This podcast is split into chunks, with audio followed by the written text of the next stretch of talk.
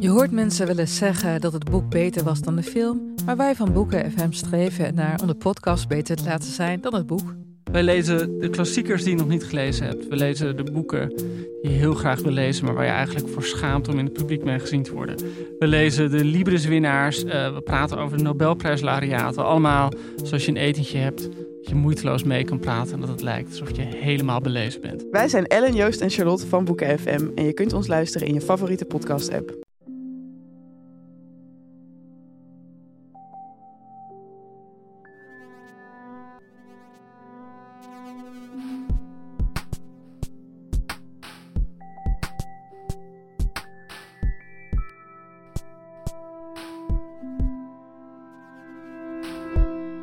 Wij zijn Relaas.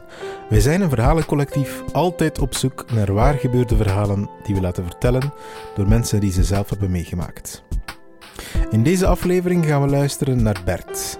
Bert, dat is een vrolijke meetjeslander. En ik weet zelf hoe dat voelt, want ik ben zelf vandaar. En als je dan eens vrijgelaten wordt in de grote stad Gent, dan staat het altijd garant voor een avontuur.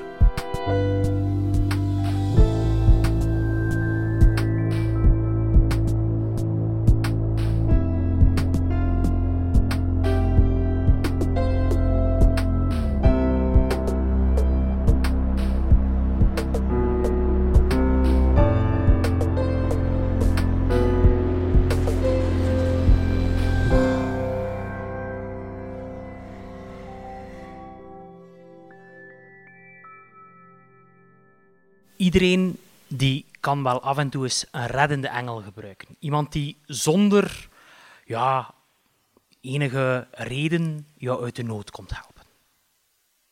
Maar goed, dat is misschien slot. Um, ik ben opgegroeid in Eeklo. Um, ik was daar zeer actief. Ik deed daar veel. Ik was een bezig bijtje, uh, een actieve kerel. Uh, dat betekende, ik deed heel veel hobby's. Um, ik deed hobby's waar mijn ouders volledig achter konden staan. Muziekschool, tekenschool, dat was goed voor de creativiteit. En dan had ik ook hobby's waar mijn ouders niet zo'n grote fan van waren. De scouts was zo een voorbeeld daarvan. Ja, in de scouts leerde heel veel. Hè. Je samenwerken, uh, je koken, uh, ook iets heel praktisch. Uh, maar ja, daar werd ook wel eens een pintje gedronken en dat vonden mijn ouders wat minder tof. En dan heb je ook nog een derde categorie van hobby's uh, die ik deed. En dat was eigenlijk de categorie... Uh, mijn ouders stonden daar volledig achter. Maar als ze het allemaal hadden geweten, dan hadden ze er misschien toch beter niet achter gestaan. Uh, en in mijn geval was dat de harmonie. Het muziek, de blaaskapel. meer specifiek bij mij was dat de koninklijke katholieke harmonie Amicitia bestaat ondertussen niet meer. Dus ik mag zeggen wat ik. Um, en ja, nu, versta me niet verkeerd, uh, was een zeer deftig gezelschap. Hè. Wij muziceerden op zeer hoog niveau. Uh, ik ging daar, ja, vanaf mijn elf jaar zat ik daarin, zo helemaal van voor rechts. Uh, ik speelde saxofoon, eerst tweede saxofoon. Dan, als ik wat beter begon te worden, eerste saxofoon. Dan mocht ik zo af en toe een keer een solo spelen. Later, als ik dan weer geen tijd had om te oefenen, zo in mijn studententijd, dan werd ik terug tweede saxofonist.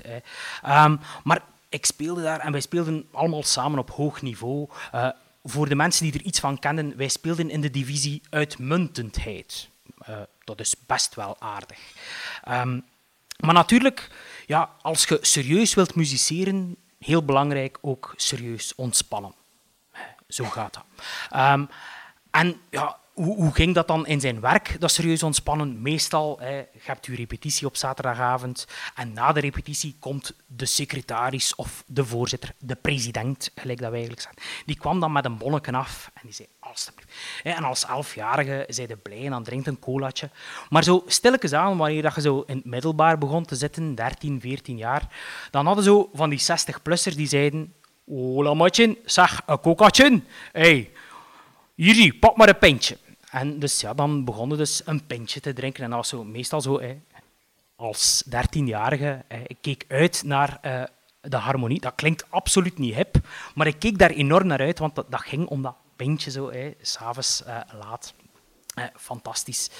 Um, en dat werd eigenlijk zo nog iets straffer als je op stap ging. Voor de mensen die dat kennen, dus dan zo op 11 november bijvoorbeeld, herdenking van de oud-strijders. Eerst speelden allemaal samen aan het monument The Last Post en, en een paar uh, erehymnes. En daarna ga de hup op stap uh, van het ene café naar het andere. Uh, en in ruil voor een schoon marsje voor die lieve cafébazin krijg je dan een gratis drankje. En oh als je dan als 13-jarige durfde een colaatje te bestellen, dan was er altijd zo ergens een 65 jaar die zei Oh, motje, wat is er mis misschien? Hier zie, pak maar die flassen Genever. Uh, ik vertaal even. Uh, hola vriend, wat is dat? Hier, neem maar die fles Genever. Uh, en ja, dat was zo'n beetje de sfeer in ja, die amateurmuziekwereld. Um, maar eigenlijk het hoogtepunt voor ons als jonge snotters, als jonge garde in die harmonie, dat was in de zomer, ergens zo de eerste weken van juli, dan gingen wij samen op muziekkamp. En niet alleen wij samen, niet alleen die jongeren van Eeklo, maar ook al de jongeren van al die andere harmonieën, fanfares, brassbands in Oost-Vlaanderen. Wij gingen op de, klinkt heel sexy, play-in van FEDECAM, de Federatie der Katholieke uh, Muziekmaatschappijen. Um, en ja, dat was drie dagen uh, intensief repeteren. Uh, om te eindigen met een uh, concert, uh, waar dan vrienden, familie op waren uitgenodigd. en onder begeleiding van een zeer professionele muzikant, een zeer professionele dirigent. Um, en was altijd zwoegen, zweten, maar natuurlijk ook, zoals dat gaat in die amateurmuziekwereld, ook voor dat deftig werk werden deftig beloond. Heel veel pauzes, men een toog en s'avonds natuurlijk een stapje in Gent. Uh, en ik herinner mij vooral uh, een jaar waar Dirk Brossé de dirigent was. Uh, misschien bekend voor jullie. Dirk Brossé is een filmcomponist hier uit, uit Gent. Um, die man had fantastisch moeilijke muziek mee en was heel zwaar repeteren, dus wij moesten ook zeer zwaar ontspannen. Zo gaat dat. Um, en ja, die eerste avond, dat, dat toen waren we nog braaf. Hè. Dus ik, Geert, Jeffrey, dat waren de drie van Eeklo. En dan had er altijd zo een aantal anderen die op dat moment mijn beste maten waren. Maar natuurlijk, na die driedaagse weten begot niet meer wie dat die mensen waren. Maar dus je gaat op stap. Uh, je zit uh, in Sint-Bavo in Gent. Uh, ik weet niet of dat mensen de school Sint-Bavo weten zijn, maar dat is in het centrum van Gent. Dus dat is fantastisch. Je gaat eigenlijk daar de deur uit en je zit direct ja, tussen alle cafés. Dus hup, direct wij daar naartoe. Eerst avond rustig, je drinkt eigenlijk gezellig door en je gaat weer gaan slapen. De tweede avond hadden we iets meer geluk, uh, want de tweede avond toen was er uh, een bierfestival uh, op het Emil Brownplein. Fantastisch bierfestival. Het concept ging als volgt: gekocht een glas en daarna mocht je eigenlijk zoveel drinken als dat je wou. dus ja, ik, ik, was zo 15 jaar ongeveer. Kan 14 zijn, kan 16 zijn. Um, maar ja, dus je hebt je glas en je drinkt. En het is gezellig, het is tof uh, en, en je blijft drinken. En op een gegeven moment zeg je, nu hebben we wel genoeg gehad. En, of misschien, nu hebben we wel genoeg gehad. En je gaat terug uh, naar Sint-Bavo, je gaat naar daar gaan staan. Groot probleem, wij komen daartoe die poort is dicht. En ik weet niet of er mensen zijn die het gebouw van Sint-Bavo uh, zich uh, voor, ogen hebben. Maar dat is, ja, dat is echt zo een bunker, allez, een ommuurde uh, walling in, in, in de stad. Dat is een, een, soort van gevangenis. Ja, dat is echt volledig dicht. Die poorten ook, dat is van beneden tot helemaal in de deurlijst afgesloten. Dus we hadden echt zoiets van, help, wij kunnen hier niet meer binnen. Het eerste idee is, we kunnen terug naar die bierfeesten. Uh, maar dan bedenkt ook, oei, we moeten misschien toch ook nog wel slapen. Uh, allez, zo in de goot gaan slapen, dat, is er, dat, dat wilde toch niet doen. Dus je gaat, uh, ja, wij eerst naar rechts gaan zoeken. Nee, daar is geen één deur, geen één doorgang. Hup, terugkeren naar links. Gelukkig, daar is ergens een poort. Uh, ze is redelijk hoog. Uh, maar beneden op de grond kun je er niet onder, maar van boven, allez, zo na drie meter, kun je er eigenlijk wel over. Uh, dus dat was, uh, ja, yes, we kunnen hierover. en ja, heel snel, hup, voetje zet, iedereen daarover. Maar dan, allez, er is altijd een probleem als je mensen erover zet. Dat is dat er iemand moet achterblijven. En jammer genoeg totaal niet aan gedacht, was ik dat. Dus ja. Uh, begin in paniek te zijn en zo. Hé hey man, uh, ik, ik, ben, ik, ik, ik zit hier nog, ik raak hier niet meer over, ik ben hier te klein. Je probeert zo ergens met, met je voet over die klink, maar ja, dat lukt allemaal niet. Oh ja, wij gaan gaan slapen.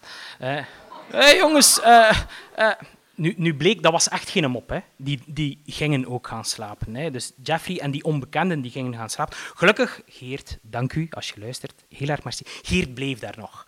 Uh, en die, die zei, ja, maar Bert, geen nood. Uh, de rest is inderdaad gaan slapen. Maar ik ga nu op zoek, ik ga naar een touw op zoek. Hè. Ik, ik ga iets zoeken. Allee, zo ergens in het midden van een school waar je niet binnen kunt, op zoek naar een touw. Hoe ga je dat gaan doen? Uh, ja, hij is weg. Ik sta daar aan die poort te kijken. Wat, wat, wat moet ik doen? Uh, dus ik denk, ik ga zelf ook nog eens proberen. Weer mijn voet op die klink gaan zetten. Dat gaat nog altijd niet. Uh, ik probeer een aanloop te nemen. Uiteraard, dat gaat ook niet. Allee, zo dubbel zo hoog springen als mijzelf, dat ging niet. Um, en dan zijn er zo fragmenten. Uh, dus ja, zo gaat dat. dat af en toe is het wat wazig in mijn herinnering, maar ik herinner mij plots, ik sta daar met een fiets. Uh, hoe die fiets uh, hoe ik die heb gepakt, geen idee. Maar ik sta daar met een fiets en ik zie mijzelf daar op die fiets proberen klimmen. Gelukkig, ik, allez, ik heb die dan niet gebruikt. Ik heb snel genoeg doorgehad. Dat is te wankel, dat gaat uh, niet lukken. Um, volgende moment, geen idee wat ik met die fiets gedaan heb. Uh, volgende moment, ik sta met twee mensen te babbelen, een koppel. En ik probeer hen ja, te vragen, alstublieft, wilde jij mij niet een voetje overzetten? Um, ja, die mensen die. Allee, voor alle duidelijkheid, ik vroeg, ik vroeg dat niet zo. Dat was eerder zoiets van, wilde hij mij voetje overzetten? Um, ik probeer die mensen zo te overtuigen. Want ja, het eerste wat in u... Ik weet niet hoe dat, dat bij jullie zit, maar als iemand u zou vragen, wilde alstublieft zo'n keer mij helpen om over een, over een poort te gaan. Dat zo, sorry, maar ik ga u niet helpen inbreken. Hè. Dat, dat was die gedachte van die mensen. Maar ik probeer die te overtuigen en uiteindelijk, uiteindelijk krijg ik uh, die jongen zover om te zeggen, ja, ik doe het. Dus ik, content. Maar net op dat moment komt daar een combi af. Uh, die mensen zijn snel weg. Ik heb ze niet goed door waarom, maar ik denk, hoera, de politie, uw vriend. Uh, dus ik, ja, ik kijk blij naar die politie. Die politie, ah, wel meneer, wat is het? Uh, en ik begin uit te leggen, nou, ik zit hier eigenlijk op die school, op muziekkamp, en ik moet hier, uh, ja, ik moet hier overzien te geraken. Hm. En ik denk echt, ja, de politie, ja, die gaan mij helpen. Nee, die kunnen dat wel regelen, die kunnen bellen naar de concierge, weet ik veel. Allee, Um, tot die mensen dan, uh, die twee agenten dan vragen, uh, mogen wij uw pas een keer zien? En dan begint het besef bij mij te komen, oei, misschien mag dit toch niet. Maar ik probeer, ja, maar het is echt waar, ik moet hier binnen zijn. En, uh, meneer, uw pas alstublieft. Dus ik, ja, uh, toch maar mijn portefeuille boven gehaald uh, met mijn pas. Ik wil dat dan wel doen, ik ben een brave burger. En op dat moment hoor ik uh, uit de combi, ja, combi 37, dus de code 37 in de Oudestraat. Geen idee wat het precies was, maar het was voldoende dat een van die twee zei, allee, gaat chance, we zijn weg. En ik stond daar terug helemaal alleen voor die poort. Ik dacht, oké, uh, voordat ze terug zijn, vlug. Ik ben naar de eerste en de beste mens gegaan die ik daar gezien heb. Ik heb gevraagd, wilde mij alstublieft hierover zetten? Die mens die zei, oké, okay, die geeft mij een voetje. Ik hang daar boven aan die poort. Ik wil zeggen, dank u, maar die mens is weg. Uh, ja, maar in alle geval, ik heb zeer goed geslapen die avond. Ik heb de volgende dag een pracht van een concert gegeven. Um, en bij deze reddende engel, uh, onbekende man, ergens in de zomer van 96, 97, zoiets. Uh, dank u wel om mij te helpen.